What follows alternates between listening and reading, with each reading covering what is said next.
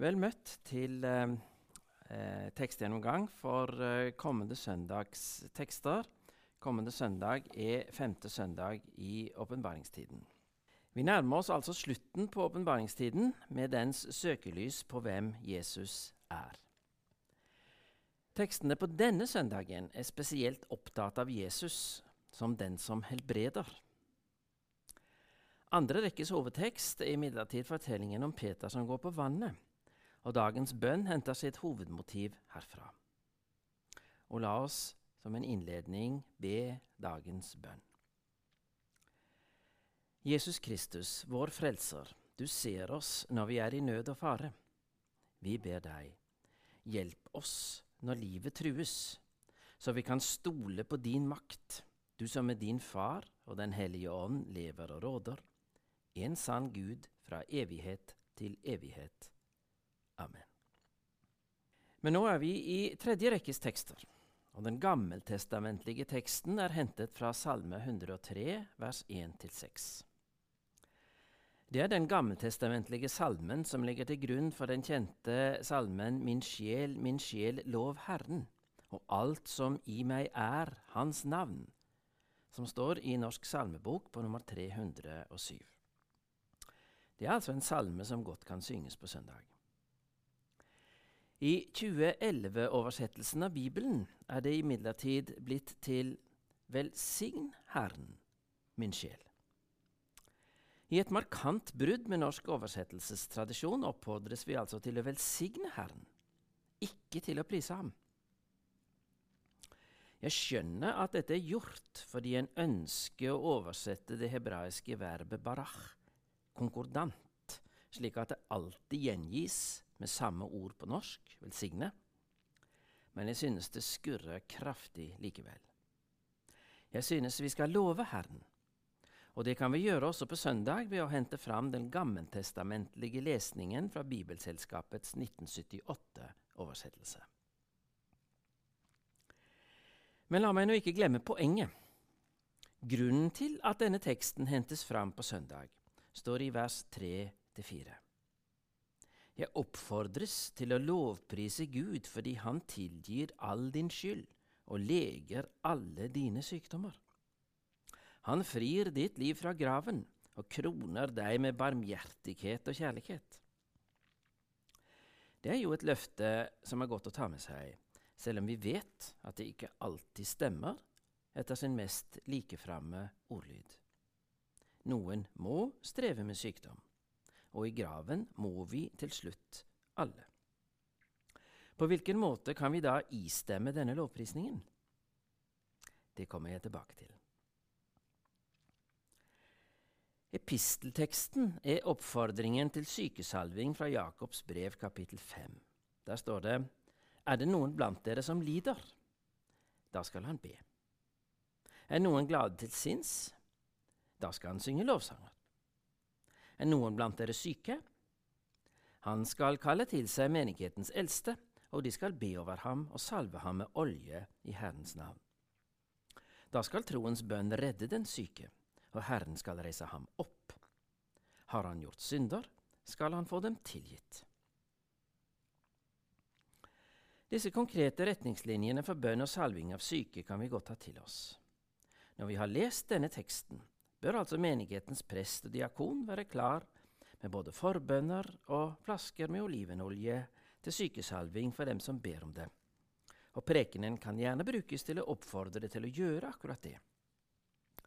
En annen ting å merke seg er at både denne teksten og Salme 103 knytter sammen helbredelse og tilgivelse. På en eller annen måte er det altså en sammenheng mellom synd og sykdom selv om vi har Jesu egne ord for at dette ikke er å forstå slik at sykdom må tenkes som straff for den enkeltes synd. Evangelieteksten på søndag det er fortellingen fra Johannesevangeliet kapittel 5 om ham som hadde vært syk i 38 år, og som hadde ligget lenge ved Betestadammen i Jerusalem og forgjeves ventet på helbredelse. Jeg leser siste del av teksten, som handler om det som skjer når Jesus kommer. Jesus sier til ham, Stå opp, ta båren din og gå. Straks ble mannen frisk, og han tok båren sin og gikk. Men det var sabbat denne dagen, og jødene sa til ham som var blitt helbredet, det er sabbat, du har ikke lov til å bære båren. Han svarte, han som gjorde meg frisk, sa ta båren din og gå. Hvem er det mennesket som sa at du skulle ta den og gå? spurte de. Han som var blitt frisk, frisk, visste ikke hvem det var, for Jesus hadde trukket seg unna, det var så mye folk der.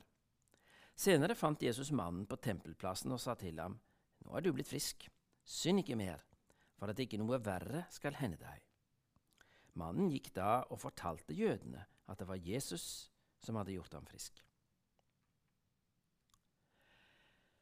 Det problemkomplekset som aktualiseres av helbredelse på sabbaten, det lar jeg ligge i denne omgang. Det andre søndager det er mer naturlig å ta opp det. Nå på søndag må det være Jesu helbredende gjerning som får vår oppmerksomhet, samtidig som det er naturlig å gjøre et poeng ut av at også denne teksten er opptatt av sammenhengen mellom synd og sykdom.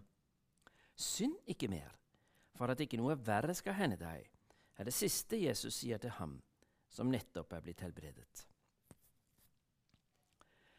Sett med Jesu blikk er uoppgjort synd altså et større problem enn kronisk sykdom, antagelig fordi synd ødelegger både forholdet til Gud og forholdet til medmennesker.